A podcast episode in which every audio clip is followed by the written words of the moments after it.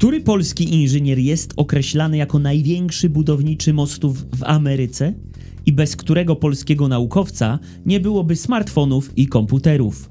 Ja nazywam się Sebastian Królikowski. A ja Filip Grycmacher i zapraszamy do naszego podcastu Wiesz o tym? Mówimy o różnych ciekawostkach, więc jeżeli jest w tobie głód wiedzy, a znajdujesz się w samochodzie, w autobusie, w domu, nawet w pracy i masz wolną chwilę, to jesteś we właściwym miejscu, żeby dowiedzieć się czegoś ciekawego. A jeżeli jesteś w samochodzie, w autobusie, w domu, a nawet w pracy, to posłuchaj o tym, jak Polacy zmienili świat.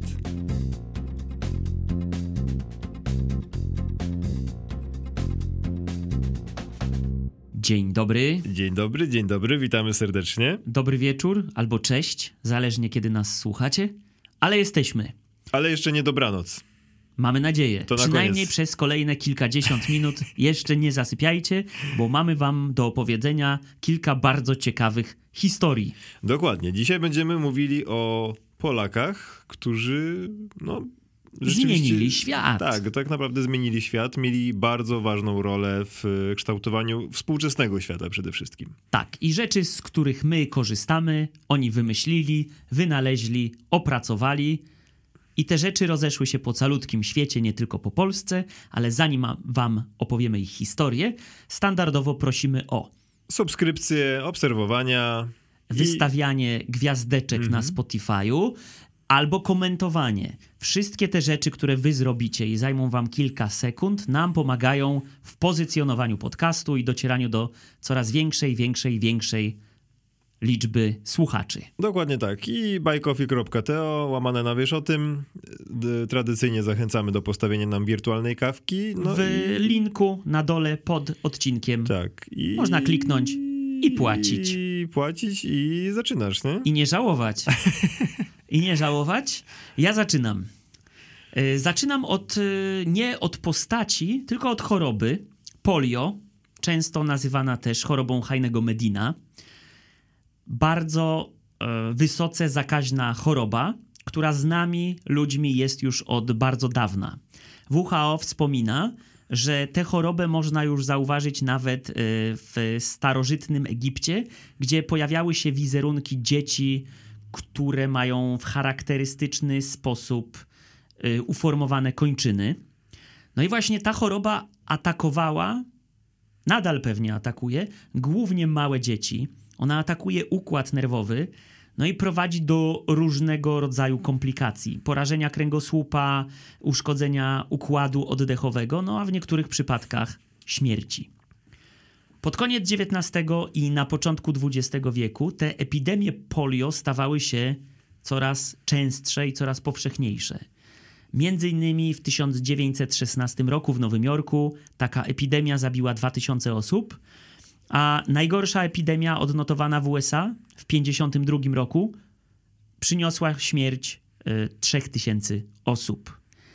No i mówimy o śmierciach, ale ta choroba, tak jak już powiedziałem, niekoniecznie była śmiertelna, natomiast prowadziła do bardzo poważnych komplikacji.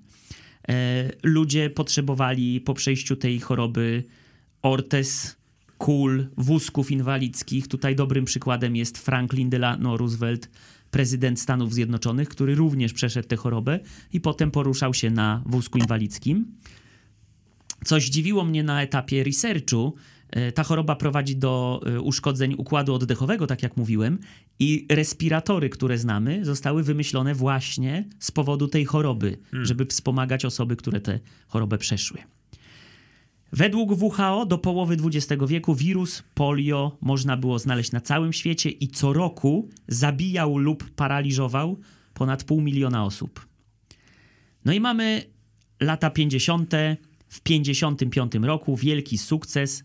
Jonas Salka wymyśla szczepionkę na polio. Połowa lat 50. Natomiast zanim on e, wymyślił szczepionkę inaktywowaną, czyli szczepionkę, w której ten wirus polio był zabity, kto inny wymyślił szczepionkę atenuowaną, czyli taką, w której ten wirus jest nadal żywy, ale niezdolny do wywołania choroby. I ten ktoś tę szczepionkę przetestował w roku 50 i nazywał się Hilary Koprowski i był Polakiem. Urodził się w 1916 roku w Warszawie. W 1933 ukończył szkołę imienia Mikołaja Reja. Uczęszczał również do konserwatorium muzycznego w klasie fortepianu. Wyjechał y, potem po zakończeniu studiów medycznych w Warszawie w 1939 roku. Czyli mamy wojnę, on wyjeżdża do Rzymu, gdzie studiuje znowu w konserwatorium świętej Cecylii, a jego żona trafia w tym czasie do Francji. Kiedy Francja zostaje zaatakowana przez III Rzeszę, ona ucieka przez Hiszpanię i Portugalię do Brazylii, gdzie małżonkowie znowu się spotykają. I tam w Brazylii, e, w Rio de Janeiro, Hilary Koprowski zaczyna pracować w Yellow Fever Research Service of Rockefeller Foundation i zajmuje się tam opracowaniem szczepionki na żółtą febrę, czy tam żółtą gorączkę. Oczywiście jest jednym z trybików w tej całej maszynie. W 1944 roku wyjeżdża do Stanów Zjednoczonych, do Pearl River w stanie Nowy Jork. No i tam zaczyna pracować właśnie nad szczepionką na polio. Udaje mu się odkryć, opracować, śmiesznie to brzmi, ale gospodarza dla tego wirusa. Musi znaleźć istotę, w której ten wirus będzie sobie dojrzewał i zostanie przez cały ten proces osłabiony na tyle, żeby był e, osłabiony do tego momentu, w którym można go będzie użyć w szczepionce. No i znajduje takiego gospodarza w postaci bawełniaka albo szczura bawełnianego. I w 1948 roku sam zażywa tę szczepionkę na te polio, więc sam jest swoim własnym królikiem doświadczalnym. No i to jest ten okres, w którym, jak mówiłem, e, gdzie bardzo wiele osób na tę chorobę zapada. W 50 roku, 1950, Koprowski szczepia 20, 20, 20, 20 20 osobom, chciałeś 20 osób, 20 osób, a właściwie dzieciaków w Stanach Zjednoczonych. No i to jest takie pierwsze poważne podejście, jeżeli chodzi o zaszczepienie przeciwko temu wirusowi. Jednak największa fala szczepień ma miejsce w roku 58 w Kongo belgijskim. Jesteśmy w Afryce i tam zostaje zaszczepionych 250 tysięcy osób. Ale, jak już powiedziałem, mamy do czynienia z Polakiem, który walczy o to, żeby ta szczepionka na polio e, dotarła również do Polski. I w roku 1959, dzięki jego staraniom, producent tej szczepionki przekazuje Polsce za darmo 9 milionów dawek szczepionki, które drogą morską zostają do nas przetransportowane. No i teraz y, statystyki tej akcji szczepień. Liczba zachorowań spada momentalnie z 6 tysięcy przypadków w 58 roku do około 30 przypadków w 63 roku. Liczba zgonów z 111 do 2. Więc rzeczywiście szczepionka działa, ratuje masę żyć, no i chroni też masę ludzi przed konsekwencjami w stylu e, poruszania się o kulach albo na wózku inwalidzkim. E, oprócz prac nad szczepionką na polio, Koprowski wraz ze Stanleyem Plotkinem i Tadeuszem Wiktorem e, pracuje również nad ulepszeniem szczepionki przeciwko wściekliźnie, zarówno dla ludzi, jak i dla zwierząt. No i w roku 1991, czyli w wieku bardzo sędziwym, otrzymał profesurę w Thomas Jefferson University. Był również e, dyrektorem Instytutu Biotechnologii i Zaawansowanej Medycyny Molekularnej oraz e, Centrum Neurowis- Neurowirusologii na tym uniwersytecie. No i w liczbach jeszcze podsumowanie jego pracy naukowej. Był autorem lub współautorem około 875 prac naukowych. Za swoje zasługi otrzymał ordery odznaczenia na całym świecie, między innymi belgijski order królewski lwa, francuski order narodowy zasługi, francuską legię honorową, order lwa Finlandii, order zasługi Rzeczpospolitej Polskiej i wiele, wiele innych. również tytuł otrzymał, e, otrzymał tytuł honorowego obywatela Warszawy. A w 2014 roku Uniwersytet Drexlera w Finlandii, e, w Filadelfii, przepraszam, ufundował Hilary Koprowski Prize in e, Neurovirology, czyli e, taka nagroda Hilarego Koprowskiego w dziedzinie neurowirusologii. I taka ostatnia rzecz, świadcząca o ogromnej inteligencji. Porozumiewał się biegle po polsku, angielsku, niemiecku, francusku, portugalsku, ale żeby tego było jeszcze mało, znał również hiszpański, włoski i rosyjski. I kończąc ten wątek, on te, ten wirus, który został osłabiony, przekazał innemu naukowcowi, który się nazywał Albert Sabin. I on e, wynalazł taką trzecią wersję szczepionki na polio, najbardziej skuteczną zdecydowanie. A dlaczego o tym mówię? Dlatego, że Albert Sabin urodził się w roku 1906 w Białym Stoku i nazywał się Abram Saperstein i był lekarzem polsko-żydowskiego pochodzenia. I na koniec taki cytat, który powiedział wypowiedź Stanleya Proisnera z Uniwersytetu Kalifornijskiego w San Francisco. Hilary był człowiekiem niezwykłym pod wieloma względami. Jego wczesne prace skupiające się na żywych, doustnych szczepionkach przeciwko polio były przełomowe. W, nie, w niewytłumaczalny sposób Koprowski, Salk i Sabin nigdy nie zdobyli naukowych wyróżnień, na jakie zasługiwało to trio. Ich praca zmniejszyła niewypowiedziane cierpienie dzieci i młodych dorosłych na całym świecie. No tak, i właśnie pierwszy Polak, który, o którym dzisiaj mówimy, który miał olbrzymie znaczenie dla dzisiejszego stanu, powiedzmy, zdrowia e, ludzi na świecie. E, pierwsza osoba, o której ja będę mówił, myślę, że jest no, zdecydowanie najbardziej znana z tych, o których dzisiaj mówimy. I na pewno już e, wiele zostało o niej powiedziane, ale myślę, że no, zdecydowanie zasługuje na, na to, żeby mówić o niej jak najwięcej. Mm, Maria Skłodowska-Curie, oczywiście no olbrzymia, gigantyczna persona, patrząc na polską historię, zwłaszcza na współczesną polską historię. Wybitna fizyczka, chemiczka. Urodziła się w Warszawie 7 listopada 1867. Jej ojciec Władysław był nauczycielem fizyki i matematyki, więc no trochę nie miała za dużego wyboru, powiedzmy, w wybor, wyborze e, życiowej drogi. Dobre no, geny. Tak, no, no, pewnie miała, ale w każdym razie no, na pewno e, przychodziło jej to bardzo łatwo, mm, jakby wybór tej drogi takiej, powiedzmy, życiowej w naukach ścisłych. Ukończyła żeńskie gimnazjum ze złotym medalem i już jako nastolatka sama udzielała korepetycji z matematyki, z fizyki, ale też z różnych języków, na przykład francuskiego, angielskiego, rosyjskiego, niemieckiego, więc tak jak podobnie jak pan Koprowski też władała wieloma językami. Mm, I poznawała coraz więcej osób, które szerzyły ideę pozytywizmu, i w którymś momencie wstąpiła na coś takiego, co się nazywało Uniwersytet Latający. I no to jest dosyć ciekawe zjawisko i w ogóle też mi się wydaje, że jakoś mało się o tym mówiło. Ja przynajmniej za bardzo nie kojarzę, żeby jakoś w szkole się specjalnie o tym mówiło. Uniwersytet Latający to była taka tajna uczelnia stworzona z myślą o kobietach, dla których edukacja wyższa była w zasadzie niemożliwa, bo trudno było się kobietom dostać na uczelnię.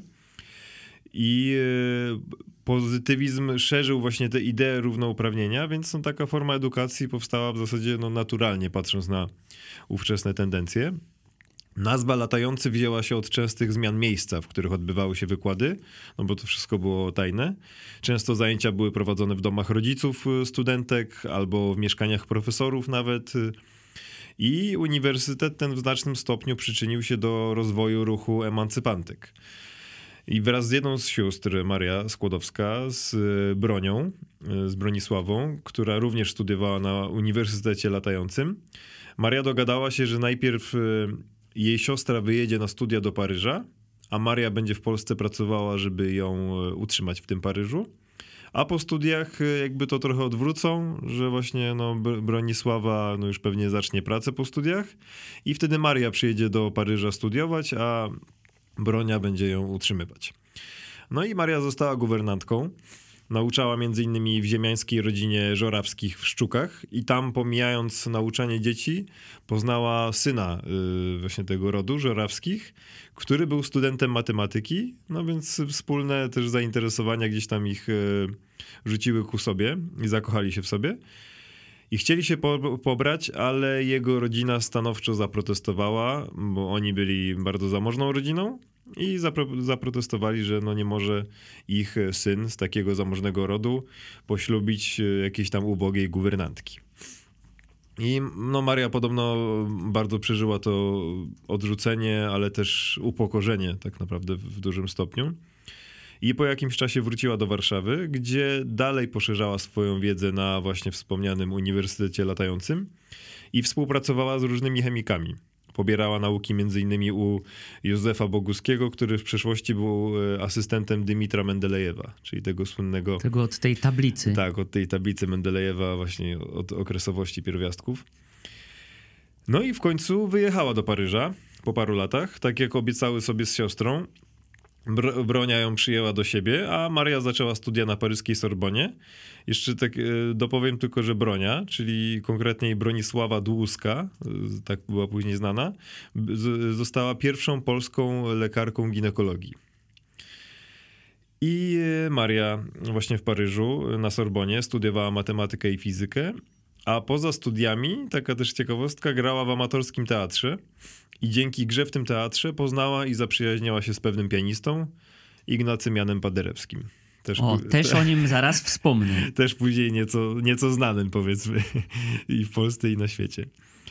No i w końcu ukończyła studia jako jedna z najlepszych studentek, a po studiach poznała Pierre'a Curie, z którym również no, się zbliżyli, patrząc na ich y, zainteresowania chemi- fizyczno-chemiczne a w 1895 roku wzięli ślub i Maria przyjęła obywatelstwo francuskie. Maria zaczęła się coraz bardziej zagłębiać w zjawisko radioaktywności i zresztą kolejna taka ciekawostka też, o której się w ogóle jakoś nie mówi. Samo słowo radioaktywność zostało wymyślone przez nią. I w ogóle właśnie radioaktywność czy promieniotwórczość, y, powiedzmy bardziej tak no, spolszczona, no, została tak naprawdę jakby przez nią zaproponowana. W ogóle takie sformułowanie, określenie. I kluczowe dokonania na tym polu były po stronie francuskiego fizyka Henri Becquerela. Jednak to Maria tak naprawdę dokonała takich zasadniczych zmian w metodzie pracy nad uranem. I używała do badań elektrometru, takiego urządzenia stworzonego przez jej męża Pierre'a e, Curie i jego brata Jacques'a.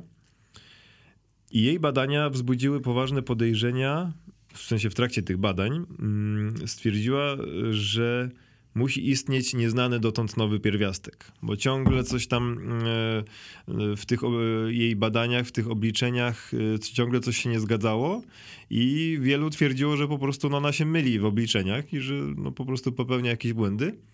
A ona twierdziła, że gdzieś tam ciągle czegoś jej brakuje, ale nie brakuje z tego, co jakby jest e, jej do tej pory wiadome, tylko że no, brakuje czegoś powiedzmy w nauce, tak, tak to powie, y, możemy określić.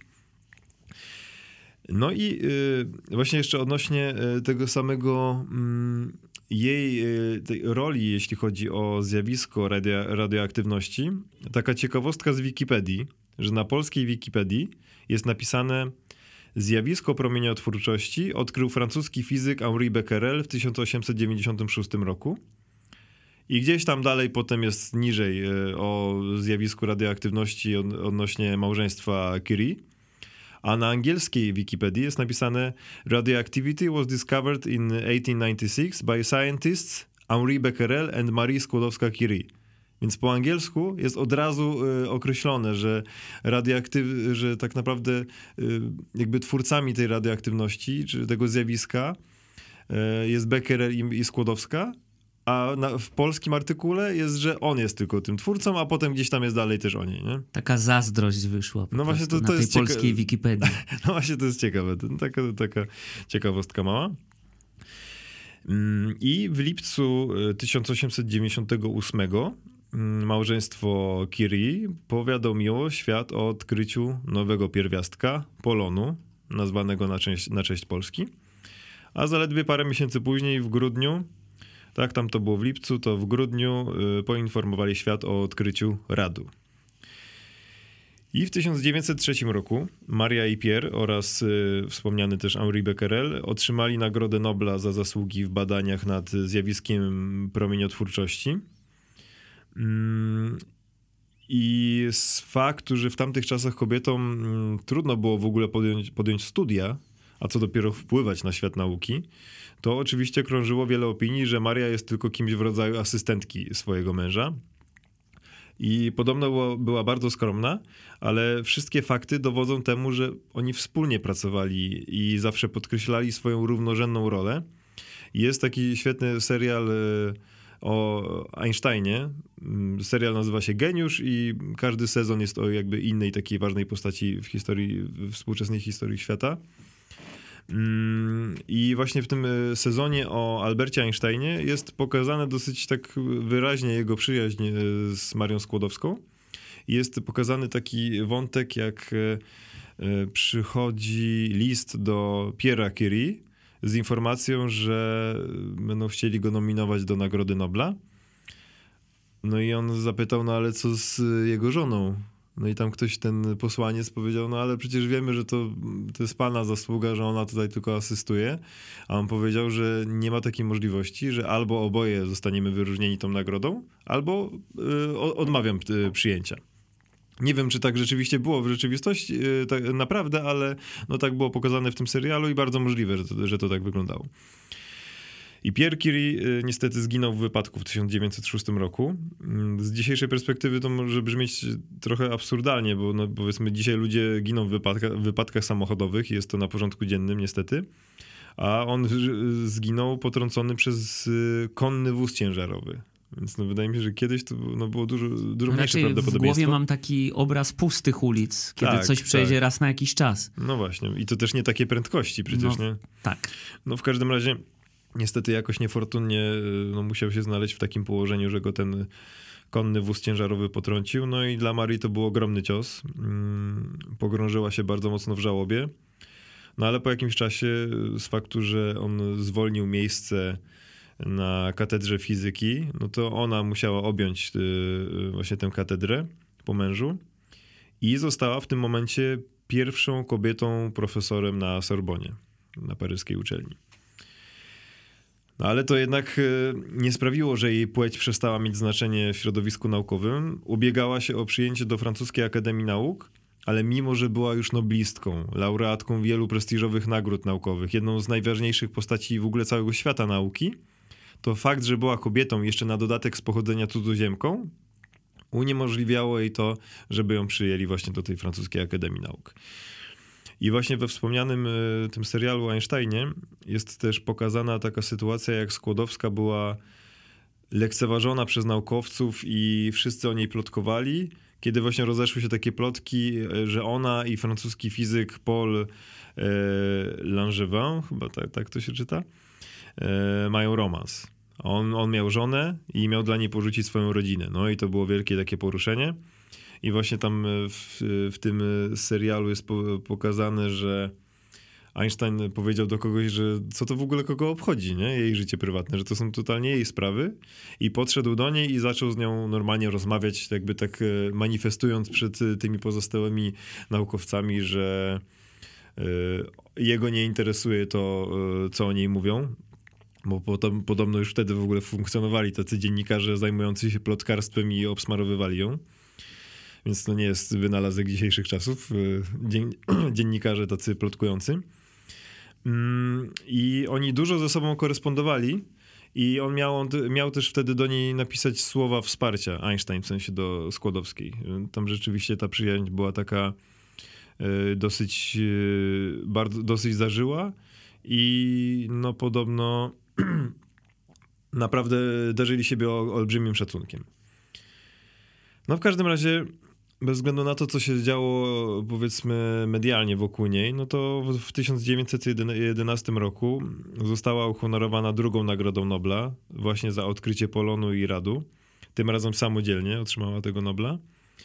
I pozostaje do dzisiaj jedyną osobą, która otrzymała dwie nagrody Nobla w dwóch innych dziedzinach przyrodniczych. Nie w ogóle w dwóch dziedzin, innych dziedzinach, bo Linus Pauling, e, fizyk i chemik, otrzymał nagrodę w dziedzinie chemii i pokojową nagrodę Nobla, ale ona otrzymała w dwóch tych kategoriach yy, naukowych, przyrodniczych. I jednocześnie też Maria Skłodowska-Curie była pierwszą kobietą, która w ogóle otrzymała nagrodę Nobla. Y, poza tym, y, poza swoją no, szeroką działalnością y, typowo naukową, prowadziła działalność aktywistyczną i promowała właśnie w ogóle rozwój tej wiedzy radiologicznej, żeby to rzeczywiście wychodziło na cały świat. I dzięki jej staraniom powstał we Francji Instytut Radowy, z którego później wyszło kilkoro noblistów, między innymi jej córka Irene. I w trakcie I wojny światowej Francuzi uznali, że rad znajdujący się w jej instytucie jest y, francuskim dobrem narodowym i Maria wywiozła go z Paryża, żeby go pilnować, a, ta, a także zorganizowała ciężarówki, które zabrały sprzęt, między innymi aparaty rentgenowskie, y, dzięki czemu można było w warunkach polowych robić zdjęcia rentgenowskie, tak, i właśnie pomagać y, tym rannym. Była również e, wtedy właśnie jednocześnie jedną z pierwszych kobiet, która zrobiła prawo jazdy na ciężarówkę, żeby móc też właśnie uczestniczyć w przewożeniu tych sprzętów. W latach dwudziestych e, między innymi jeździła do Stanów Zjednoczonych i organizowała zbiórki na zakup radu. Przekazała go właśnie temu francuskiemu instytutowi, e, instytutowi radowemu, a kilka lat później, również dzięki podobnie tak zebranym pieniądzom, przekazała rad Instytutowi Radowemu w Warszawie. Też chciała, żeby to właśnie w Warszawie się rozwijało. I ten instytut właśnie mm, później rozwinął się w Narodowy Instytut Onkologii, dzisiaj imienia Marii Skłodowskiej-Curie. No niestety, no, można się domyślić, że przez to, że bardzo dużo obcowała z e, niebezpiecznymi pierwiastkami, z promieniowaniem, no to pogarszał się jej stan zdrowia. Już podobno na, lata przed śmiercią już y, coraz gorzej widziała, coraz, coraz gorzej słyszała. Nie będąc, no to nie był jakiś nie wiadomo jak zaawansowany wiek, bo ona tam, to było około 60, tak? Czy podejrzewam, że też przed 60 już coraz więcej tych problemów zdrowotnych się y, pojawiało. No i w którymś momencie lekarze diagnozowali grypę y, albo gruźlicę ale w końcu odkryto, że miała niedokrwistość aplastyczną, czyli to taki stan niewydolności szpiku, a poza tym miała również chorobę popromienną, czyli właśnie od tej olbrzymiej ilości promieniowania. No i zmarła w 4 y, lipca 1934 roku i została pochowana z mężem, y, a w 1995 roku przeniesiono ich szczątki do Panteonu w Paryżu, tam w tym panteonie są pochowane różne wybitne osobistości francuskie, między innymi Jean-Jacques Rousseau, Victor Hugo czy Alexander Dumas. I często się mówi również, że była e, pierwszą kobietą pochowaną w tym panteonie e, paryskim, jednak w rzeczywistości była druga tak naprawdę. Pierwsza była Sophie Bertelot, ale Skłodowska była pierwszą, która została, została pochowana za swoje zasługi, tak? bo tam Sophie Bertelot była też tam żoną, y, zdaje się, pewnego y, francuskiego naukowca, a Skłodowska po prostu no, sama była autorką wielkich y, dokonań naukowych.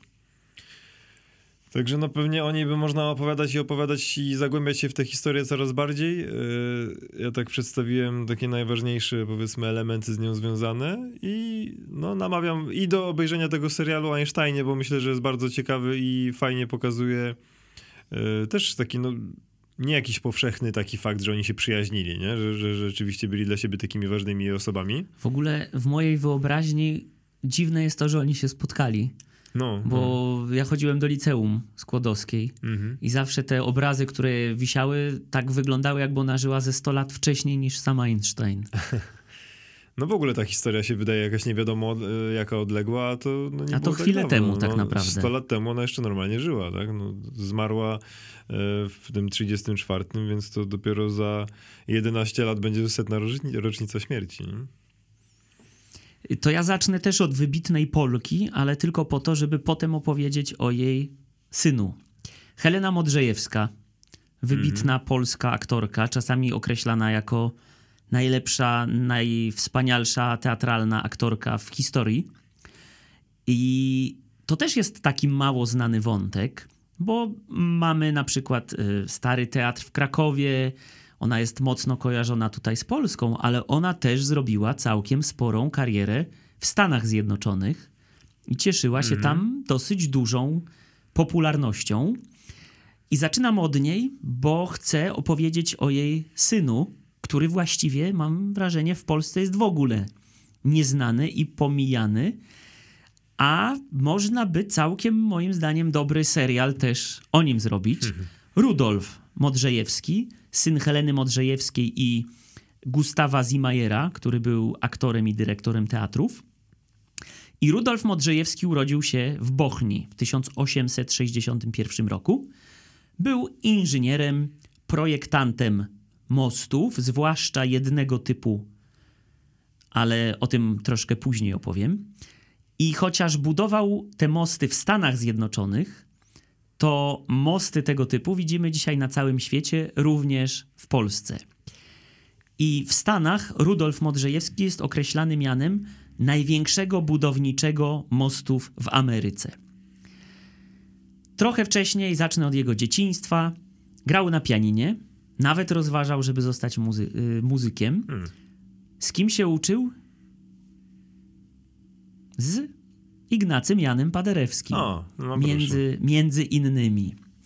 Do Stanów przybywa właśnie z matką i ojczymem. Ona tam jedzie występować. On ma wtedy 15 lat. W Stanach i Helena Modrzejewska i on są zmuszeni zmienić nazwisko, no bo to Modrzejewski może być bardzo trudne do wymówienia. Dlatego przyjmują nazwisko, pisze się Modjeski, czy czyta się Modże, Modrzejski. E, I tak jest właśnie tam potem określany w Stanach i zmienia również imię na trochę łatwiejsze, na Ralph. Więc jest Ralph Modrzewski. Modrzewski. E, W 1981 roku wraca do Europy, konkretnie do Paryża i próbuje się dostać do takiej szkoły, którą można po prostu e, przetłumaczyć jako szkoła budowania mostów i dróg. Pierwszy egzamin oblewa. Nie dostaje się. No i tutaj jest też znowu do filmu dobry motyw. Porażka, a potem sukces, bo dostaje się dopiero za drugim razem. I w trakcie już tych studiów, kiedy jest w Paryżu w roku 83, yy, otrzymuje amerykańskie obywatelstwo. Kończy szkołę z wyróżnieniem jako prymus, więc widzicie, porażka czasami jest nawozem sukcesu. Wraca do Stanów Zjednoczonych i tam zaczyna pracę pod okiem George'a Morrisona, który jest określany jako ojciec y, amerykańskiego budowania Jima mostów. Myślałem, że Tak, Jima myślałem, Morrisona. że zaraz powiesz taki żarcik. Nie, nie jest ojcem Jima Morrisona, tylko jest ojcem amerykańskiego budowania mostów. E, tak to można jakoś przetłumaczyć ładnie. No i e, Modrzejewski, czy Modrzewski w 1893 roku, kiedy już tam się troszkę nauczył od tego Morrisona, zakłada własną firmę w Chicago. Parę lat później, ładnych parę lat później, do tej firmy dołącza Frank Masters i powstaje firma Modjeski and Masters. I to jest ciekawe, ta firma istnieje do dziś. Wszedłem na ich stronę internetową, połaziłem tam sobie. I taką samą nazwę ma? Tak, do dziś istnieje właśnie jako ta firma. I to było dla mnie takie, aż mam ciarki, jak o tym mówię, że coś, co powstało tyle lat temu, jako bardzo solidna firma, założona przez Polaka, istnieje do dzisiaj w Stanach i ma się całkiem dobrze. E, W tym 80, 1893 roku on ma pierwsze zlecenie. E, Buduje most drogowo-kolejowy e, na Mississippi, czyli na tej wielkiej rzece, w Rock Island w stanie Illinois. No i tak, ten most się nazywa The Government Bridge albo Arsenal Bridge i ten most też istnieje do dziś. I w żadnym ze źródeł nie znalazłem tej wzmianki, ale zobaczyłem zdjęcie tego mostu i nawet filmik z tym mostem.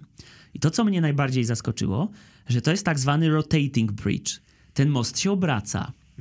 Nie wiem, czy kojarzysz, w Gdańsku są dwie kładki na Motławie. Jedna się podnosi, a, y, a druga jest taka wysepka i ona się obraca I z poprzecznej, że tak powiem, robi się podłużna i tam mogą sobie przepływać statki. I ten most działa dokładnie tak samo. Obraca się i statek sobie przepływa, po czym ten most się zamyka. To nie jest most zwodzony, on się obraca wokół własnej osi jak wskazówka na zegarze. Nigdzie nie mogłem znaleźć tego, czy y, on zbudował ten most i potem ten most został przerobiony na taki obrotowy, ale wydaje mi się, że to on go wymyślił w takiej formule, więc y, całkiem odważny jak na XIX wiek. I od tamtej pory ten most był gigantycznym sukcesem, jeżeli chodzi o inżynierię. On zaprojektował w Stanach prawie 40 mostów. Czyli nie wiem, ma 20 parę lat albo 30 i wychodzi, że około mostu rocznie budujesz. Całkiem sporo. Zaprojektował albo był y, konsultantem przy. Y, w 1907 roku w Quebecu jest budowany Quebec Bridge i ktoś tam źle coś wyliczył, no i niestety w trakcie następuje katastrofa i ginie 75 pracowników. I on na przykład właśnie przejmuje ten most, przejmuje jego budowę i udało mu się wtedy stworzyć najdłuższą na świecie rozpiętość kratownicy. Niestety w trakcie prac też zginęło 13 osób. I do dzisiaj, sprawdzałem, jest to nadal najdłuższy most wspornikowy na świecie. Jednak to, z czego ten Modrzewski zasłynął najbardziej, to nie były mosty wspornikowe, obrotowe, tylko mosty wiszące. I to takie mosty o bardzo wielkich rozpiętościach. I on był w tej dziedzinie pionierem. Zaraz powiem, kogo uczył. Zaraz do tego dojdziemy. I myślę, że jak mówię most wiszący, to większość z Was ma przed oczami taki most pomarańczowo-czerwonawy w Stanach Zjednoczonych, ale nie mów, nie Aha, mów. Okay. Jednym z takich mostów wiszących, które on zaprojektował, był Benjamin Franklin Bridge w Filadelfii. I to był most, który został wybudowany na 150-lecie powstania Stanów Zjednoczonych. Jego otwarcie nastąpiło w 1926 roku i wtedy ta konstrukcja, która miała 533 metry, była najdłuższym wiszącym mostem na świecie. No i właśnie, on nie tylko projektował, ale wykształcił również kolejne pokolenia projektantów amerykańskich, w tym Josepha B. Straussa, który był głównym inżynierem mostu Golden Gate w San Francisco, tak? Czyli tym Czyli w sumie najbardziej medialnym, popkulturowym mhm. y, mostem wiszącym na świecie. On uczył faceta, który to zaprojektował, a w tym czasie y, sam Modrzewski był konsultantem również bardzo podobnego mostu i również w San Francisco, z tym, że y, ten most łączył San Francisco z Oakland Bay. Bardzo blisko tamtego mostu, bardzo podobny most. No i na stronie Instytutu de Republika znalazłem, że to jest taki instytut powołany zarządzeniem numer 12 prezesa Rady Ministrów w 2001 roku znalazłem informację, że Ralf Modrzewski wykonał także studium projektowe mostu przez cieśninę Bosfor zlecone na, y, przez rząd turecki. W żadnym innym miejscu nie znalazłem takiej informacji. Mhm. Powołuję się na to, ale też podkreślam, że to jest jedyne miejsce. Więc ta jego technologia, jak ktoś kojarzy ten most nad Bosforem, który łączy Stambuł z tej europejskie, mhm. europejską część Stambułu i azjatycką, on tutaj wykonał właśnie studium projektowe podobno. W roku 1911 został doktorem honoris causa e, Uniwersytetu w Illinois, Pennsylvania Military College, Politechniki Lwowskiej, otrzymał medal Franklina, złoty medal Johna Fritza i wiele pewnie jeszcze innych nagród. I w dniu jego 75 urodzin w roku 1936 w Stanach oszacowano wartość zbudowanych przez niego mostów i to było 200 milionów dolarów, więc znalazłem taki kalkulator inflacyjny. Na obecne pieniądze to jest 4,5 miliarda dolarów. Hmm. Więc to były gigantyczne konstrukcje, tak technologicznie, ale też gigantyczne, jeżeli chodzi o budżet. I co ciekawe, te informacje o tych 200 milionach dolarów znalazłem w gazecie lwowskiej. Jest No. y, ona akurat to, Ale gdzie... takiej w sensie gazecie z czasów polskich, tak? Tak, jest y, w internecie, można ją sobie przeczytać. Hmm. Są skany i ciekawe to było doświadczenie, zobaczyć tam repertuary, co się grało w teatrach i różne inne rzeczy, więc bardzo polecam, bo to taka wyprawa w y, przeszłość. No i kurde, ja tak zawsze nalegam, że tyle mamy fajnych postaci, żeby nakręcić te filmy. No i wspaniała historia. Facet wyjeżdża do Stanów, nie dostaje się do szkoły, dostaje się za drugim razem, buduje takie gigantyczne mosty za miliardy dolarów. No, fantastyczna historia. No. Bardzo optymistyczna. To prawda, to prawda. Mm, a ja cię spytam, jak myślisz, kto jest najczęściej cytowanym polskim naukowcem na świecie? Skłodowska? Nie. Kopernik? O Koperniku dzisiaj nie mówimy, też wielki naukowiec, ale o nim akurat dzisiaj nie mówimy, ale no pewnie tak Strzelam, że ktoś, kogo pewnie nie znam, bo No, tu, no tu tak węże haczyk. naturalnie by się wydawało, że pewnie no, Kopernik albo Skłodowska, nie? Bo to tacy najbardziej znani, powiedzmy, medialnie naukowcy polski, polscy. A okazuje się, że właśnie, że nie. Że według wielu źródeł najczęściej cytowanym polskim naukowcem jest profesor Jan Czochralski. Postać tak naprawdę totalnie zapomniana na długie lata. Teraz y, w końcu trochę się o nim mówi, ale no, myślę, że zdecydowanie ciągle za mało. W świecie nauki jest bardzo znany. I ma bardzo ciekawy życiorys, kolejna postać, o której można by zrobić film i to naprawdę taki no mega ciekawy. Mówi się, że bez niego nie byłoby smartfonów, komputerów i no tak naprawdę większości sprzętów elektronicznych, bez których dzisiaj, dzisiaj nie wyobrażamy sobie życia. To nie, było też, y, nie byłoby też tego podcastu bez tak, niego. gdyby nie on, to byśmy teraz do was nie mówili. No właśnie. Dziękujemy panu. Jan Czochralski urodził się w 1885 roku w Kcyni. To takie miasto w województwie kujawsko-pomorskim, 40 km od Bydgoszczy. Miał dziewięcioro rodzeństwa, sporo ich było. I trochę podobnie jak wielcy geniusze, tak jak właśnie taki na przykład Einstein, że różnie u niego było z ocenami w szkole. Maturę podobno zdał niezbyt zachwycająco i podarł świadectwo maturalne, mówiąc: Proszę przyjąć do wiadomości, że nigdy nie wydano bardziej krzywdzących ocen. Są również w ogóle dyskusje wśród historyków, czy w ogóle yy, miał maturę i czy ta historia jest prawdziwa właśnie z tym podarciem tej matury, że możliwe, że w ogóle tej matury nie miał. W każdym razie mm, od najmłodszych lat chadzał do pobliskich aptek, skąd zdobywał różnego rodzaju chemikalia, które umożliwiały mu przeprowadzanie różnego rodzaju eksperymentów w piwnicy w domu. Podobno dochodziło również do różnych wybuchów i to te, też miało nie do końca zadowalać ojca jego. I później jako nastolatek y, pracował w aptece w Krotoszynie i tam dalej eksperyment, eksperymentował. Więc cały czas te apteki gdzieś tam, bo w zasadzie no, pewnie w tamtym czasie apteki to było jedyne takie miejsce, w których rzeczywiście można było mieć styczność z jakąś taką chemią, powiedzmy, bardziej zaawansowaną.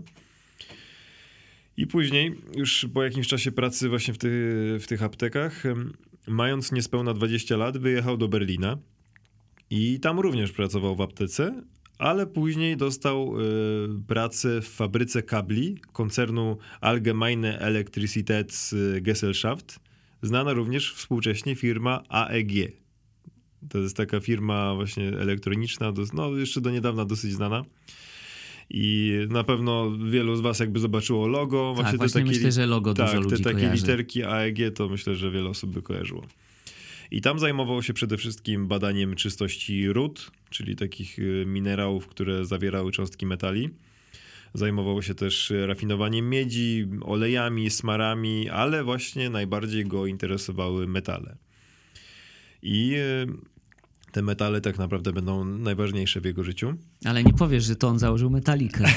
Nie. I z tym Morrisonem potem y, grali razem. W sensie nie Morrison w metalice, ale no, muzycy.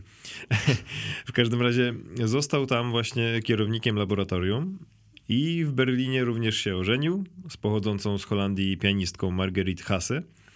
Która uczyła się wcześniej z Janem Paderewskim. Możliwe, że gdzieś się kiedyś spotkali na jakimś koncercie, czy na, jakimś, nie wiem, na jakiejś takiej imprezie muzycznej. I pracę w Berlinie dzielił również między mm, Politechnikę w Charlottenburgu pod Berlinem, gdzie jako wolny słuchacz uczestniczył w wykładach z chemii. Jako wolny słuchacz. Gdzieś tam y, widziałem informację, że miał zdobyć jakiś dyplom tam na, na, na tej uczelni, ale ogólnie tak naprawdę ogólnie mówi się o nim jako wybitnym y, samouku. No i tak jak właśnie wspominałem, poświęcił się metalom publikował prace poświęcone krystalografii metali, a w 1916 roku odkrył metodę pomiaru szybkości krystalizacji metali, która jest wykorzystywana do dzisiaj przy produkcji monokryształów krzemu. Metoda ta, zwana metodą Czochralskiego, polega na tym, jakby tak mniej więcej to opisać, że twor on tworzył takie cieniutkie druciki, które były monokryształami konkretnego metalu i y, można było w pełni panować nad tym procesem i określić jego czas i, i, i, tak dalej. I konkretnie jest to powiedzmy opisane jako ostrożne wydobywanie monokryształu z roztopionego metalu. Tworzył właśnie te takie druciki, które miały milimetr grubości. I krążą legendy, że odkrył to w ogóle, dokonał tego odkrycia przypadkiem. Tak jak wiele m, mm, takich e, wyjątkowych odkryć e, w historii świata miało e, pojawić się przypadkowo, taki miało być w tej sytuacji, że siedział gdzieś tam chyba do późna i coś tam pisał piórem i przez przypadek zamoczył pióro nie w atramencie, a w płynnej cynie i jak wyciągnął to pióro, to zobaczył taką właśnie wiszącą, cieniutką nitkę tej cyny. Po wielu latach me metody tej użyto do tworzenia właśnie między innymi y, układów stalonych.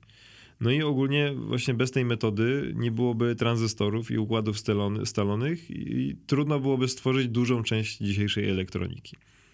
W Niemczech stworzył również y, metal B, tu taki y, też właśnie rodzaj metalu, który zreformował funkcjonowanie pociągów, między innymi zwiększył ich szybkość. Pewnie taki metal by się przydał też u nas dzisiaj. To zdecydowanie. Mm, I e, stał się mm, bardzo ważną postacią. W ogóle w Niemczech to był taką naprawdę jedną z ważniejszych postaci e, świata nauki. I kiedyś na pewnej wystawie oprowadzał nawet e, podobno samego prezydenta Niemiec Paula von Hindenburga. Więc rzeczywiście no, był tam bardzo, bardzo ważną personą a w latach dwudziestych chciał go do siebie ściągnąć do Stanów nawet sam Henry Ford, żeby korzystać z jego talentów i jego patentów e, w laboratorium w Detroit.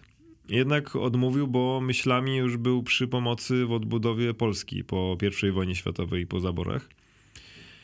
No i właśnie w 1928 roku został profesorem na Wydziale Chemicznym Politechniki Warszawskiej na zaproszenie prezydenta Ignacego Mościckiego, który też zresztą był chemikiem otrzymał doktorat honoris causa, żeby właśnie mógł zostać zatrudniony jako profesor. No bo nie miał właśnie żadnych takich dyplomów, bo on nie miał e, ani doktoratu, ani habilitacji, a zależało im na tym, żeby taka wybitna postać uczyła właśnie w Polsce na Politechnice Warszawskiej. Utworzono na Politechnice specjalnie dla niego katedrę metalurgii i materiałoznawstwa, a później stworzył Instytut Metalurgii i Metaloznawstwa. I no ogólnie cały czas rozwijał to badania nad y, obróbką metali i tak dalej. Mm, bardzo blisko współpracował z wojskiem, a wiele obszarów jego działalności było podobno objętych taką ścisłą tajemnicą, więc tak naprawdę o wielu rzeczach też nie wiadomo, jak on wpływał na e, rozwój polskiej armii, w sensie polskiego wojska, polskiej technologii wojskowej, ale no podobno było to, była to bardzo ważna rola.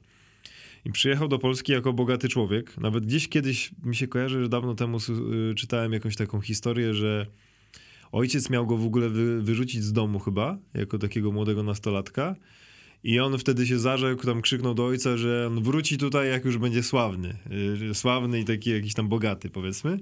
No i że podobno wtedy właśnie jak wrócił do Polski w tych latach dwudziestych, to że w tej, do tej swojej rodzinnej Kcyni miał pojechać limuzyną, i wysiąść z niej w cylindrze i we fraku i właśnie e, powiedzieć, że no i właśnie wróciłem. Nie, nie wiem, czy to jest prawdziwa historia, czy coś... E, ale bardzo filmowa. Ale bardzo możliwe i jest to właśnie kolejny bardzo filmowy element. No w każdym razie mm, e, wrócił do Polski jako już naprawdę zamożny człowiek. W Polsce też niemało zarabiał, no bo jednak pełnił bardzo ważne stanowiska i stał się też bardzo ważną osobistością. Mm, udzielał się społecznie, kulturalnie, mm, był też takim mecenasem, powiedzmy, y, właśnie jeśli chodzi o zaangażowanie w kulturę, to zaangażował się finansowo na przykład w odbudowę dworku Chopina w, Żelazowej Woli. Fundował też stypendia studentom. A w latach 30. popadł w taki dziwny konflikt z profesorem Broniewskim, który też gdzieś tam zajmował się podobnymi sprawami co on. I ten profesor Broniewski zarzucał mu, że czerpie wielkie korzyści z nieudolnego wynalazku i podważał również jego polskość. No więc no, prawdopodobnie, no właśnie, to był jakiś taki element zazdrości i gdzieś tam pojawiały się pewnie już jakieś coraz silniejsze takie czynniki polityczne w Polakach, a z faktu, że no wiadomo, to już były lata 30., no to gdzieś tam te, to widmo mm, niemieckie było coraz pewnie straszniejsze dla, dla Polaków. Więc jak była okazja do tego, żeby mu wypomnieć jego jakiś, jakąś niemiecką historię, no to ktoś, kto może był właśnie zazdrosny, y, chętnie to zrobił. W każdym razie y, historia była taka, że Czochralski, kiedy wrócił do Polski, to zrzekł się obywatelstwa niemieckiego. Jednak Niemcy nie byli zbyt przychylni tej decyzji i e, był związany wieloma patentami, um, umowami e, w Niemczech, przez co Niemcy mocno odwlekali sprawę tego jego obywatelstwa, czy, te, czy tego jego zrzeczenia się obywatelstwa. No w każdym razie, kiedy ten profesor Broniewski go oskarżał, to wreszcie odbył się proces o zniesławienie Czochralskiego przez Broniewskiego. Nawet y, krążyła historia, że mieli stanąć do pojedynku, ale nie wiadomo, czy był ten pojedynek i nie wiadomo, jak, jaki był rezultat. Nie wiem, czy wtedy pojedynki to jeszcze funkcjonowały tak, że y, szli z pistoletami i tak się cofa, w sensie odchodzili od ciebie na kilka kroków. No pewnie jakby był jakiś y, taki wynik tego pojedynku, że któryś, któregoś zastrzelił, no to raczej by było wiadomo. Chociaż też czasem na filmach pokazywali na przykład, że brali e, rękawiczki i walili się tymi rękawiczkami po twarzach, nie? Więc możliwe, że... W Tom i Jerry często było. tak, tak. Jest możliwe, że to był tego rodzaju e, pojedynek. Mm, w każdym razie e, w procesie tym sądowym o zniesławienie zeznawał nawet sam prezydent Mościcki na korzyść Czochralskiego i Czochralski wygrał ten proces. Jednak po środowisku akademickim rozeszło się sporo niesmaku względem Czochralskiego. No i kiedy wybuchła wojna, zaczęła się ta część jego życiorysu, która uchodzi za najbardziej kontrowersyjną. Uzyskał od Niemców zgodę na utworzenie zakładu badań materiałów, a później kilku innych zakładów, co no, oficjalnie było przez wielu postrzegane jako kolaborowanie z Niemcami, ale on to wszystko miał uzgadniać z władzami konspiracyjnymi y, Politechniki Warszawskiej. Oficjalnie zakłady te właśnie współpracowały z Niemcami, jednak on zatrudniał pokryjomu wielu żołnierzy Armii Krajowej. Tworzył na przykład granaty dla, dla podziemia, czy części pistoletów. Yy, sabotował też pro produkcję dla Niemców i cały czas o wszystkim informował polskie podziemie. Więc to było tak, że rzeczywiście, że stworzył coś, co pewnie i tak by było przez kogoś stworzone, ale no, możliwe, że chciał jakby tutaj y, w, jakiś, nie wiem, w jakimś stopniu poświęcić swoje dobre imię, y, żeby mieć kontrolę nad tym, co Niemcy będą otrzymywać, ale też, żeby wspierać cały czas y, polskie podziemie. Również wykorzystywał swoje kontakty do ratowania sprzętów naukowych, eksponatów muzealnych i do wyciągania Polaków z więzień. W jego domu cały czas w trakcie wojny odbywały się takie tajne czwartki literackie, w których y, udział brali m.in. Ludwik Solski, Leopold Staw czy Kornel Makuszyński a po upadku powstania warszawskiego wywoził ze stolicy innymi sprzęty z Politechniki czy mienie wypędzonych warszawiaków, żeby po prostu to nie zostało zniszczone albo rozkradzione. Kiedy wojna się skończyła, no to jego problemy dalej trwały, no bo oficjalnie w trakcie, w trakcie wojny był kolaborantem z jednej strony, a z drugiej strony współpracował z Armią Krajową. Więc jak nastała władza komunistyczna, no to był w bardzo y, niefortunnym położeniu. Bo oficjalnie dla władzy komunistycznej był niemieckim kolaborantem i przez kilka miesięcy przebywał w areszcie w Piotrkowie Trybunalskim.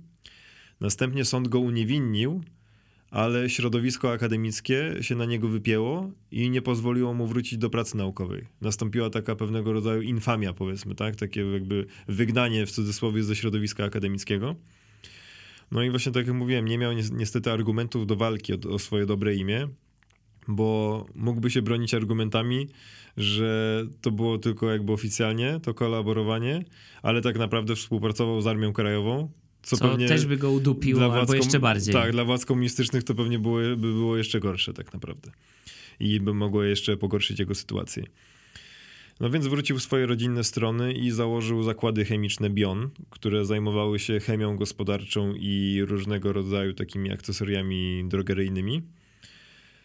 No i w kwietniu 1953 roku ubecy dokonali przeszukania jego domu w Kcyni, przez co doznał ataku serca i zmarł. I został pochowany w swojej rodzinnej miejscowości, ale jego e, nagrobek kazano trzyma, trzymać jako anonimowy i dopiero w 98 roku na jego nagrobku pojawiła się tablica z jego nazwiskiem. A dopiero w 2011 e, profesor Jan Czochralski został w pełni zrehabilitowany przez władze Politechniki Warszawskiej po tym, co się wydarzyło po wojnie. Także no tutaj niestety nie było happy endu w jego historii. Y, w pewien sposób tragicznie zakończone życie, ale historia no niesamowicie ciekawa. Pewnie jest dużo kontrowersji. Wielu pewnie może myśleć, że no nie wiadomo jak było tak naprawdę i jak było tym, w, w, trakcie wojny i jak tam było z tymi komunistami i tak dalej, czyli w trakcie jego życia w Niemczech. Bo by, zdaje się, że chyba pojawiały się też zarzuty o to, że on mógł być chyba niemieckim agentem, który przyjechał do Polski, coś takiego, też niektórzy twierdzą, że mogło być odwrotnie, że gdzieś tam był, jak był w Niemczech, to też gdzieś tam cały czas y, wynosił informacje na korzyść Polaków. No, tak naprawdę nie wiadomo, ale no jest to życiorys y, wyjątkowy i jest to przede wszystkim no, wybitna postać w całym świecie nauki, bardzo ważna dla w ogóle całego rozwoju technologii światowej. No i szkoda, że w ogóle kom tak kompletnie się o nim nie mówiło i dalej za bardzo nie mówi. Ale my mówimy. Tak, ale my mówimy i zachęcamy Was też do wyszukiwania takich historii często zapomnianych ludzi yy, i ogólnie osób, które no rzeczywiście miały bardzo ważną rolę tak naprawdę w, wiem, w naszym świecie, w naszym życiu. No dzięki temu ostatniemu wynalazcy możemy do Was powiedzieć teraz, że powoli kończymy. Tak, I możemy tak. powiedzieć też, że prosimy o subskrybowanie nas na YouTubie, obserwowanie na Spotify'u, na Instagramie oraz o wpłacanie kawki albo na kawkę na bajkofi.to łamane na wiesz o tym. Link w opisie odcinka. Pamiętajcie, tak jak powiedziałem, dla was to jest sekunda, kliknąć ten guziczek subskrybuj, e, wystawić ocenę gwiazdkową w Spotify'u. Można ale... też dać kciuka na YouTubie. Tak. Nam to pomaga docierać do coraz większej grupy ludzi. Oczywiście kciuka w górę. W górę. Tak, tak, tak, tak. No i cóż, no i dziękujemy Wam ser serdecznie za ten kolejny odcinek. I słyszymy się już w kolejny poniedziałek. Dokładnie tak. Do usłyszenia. Cześć, cześć, cześć.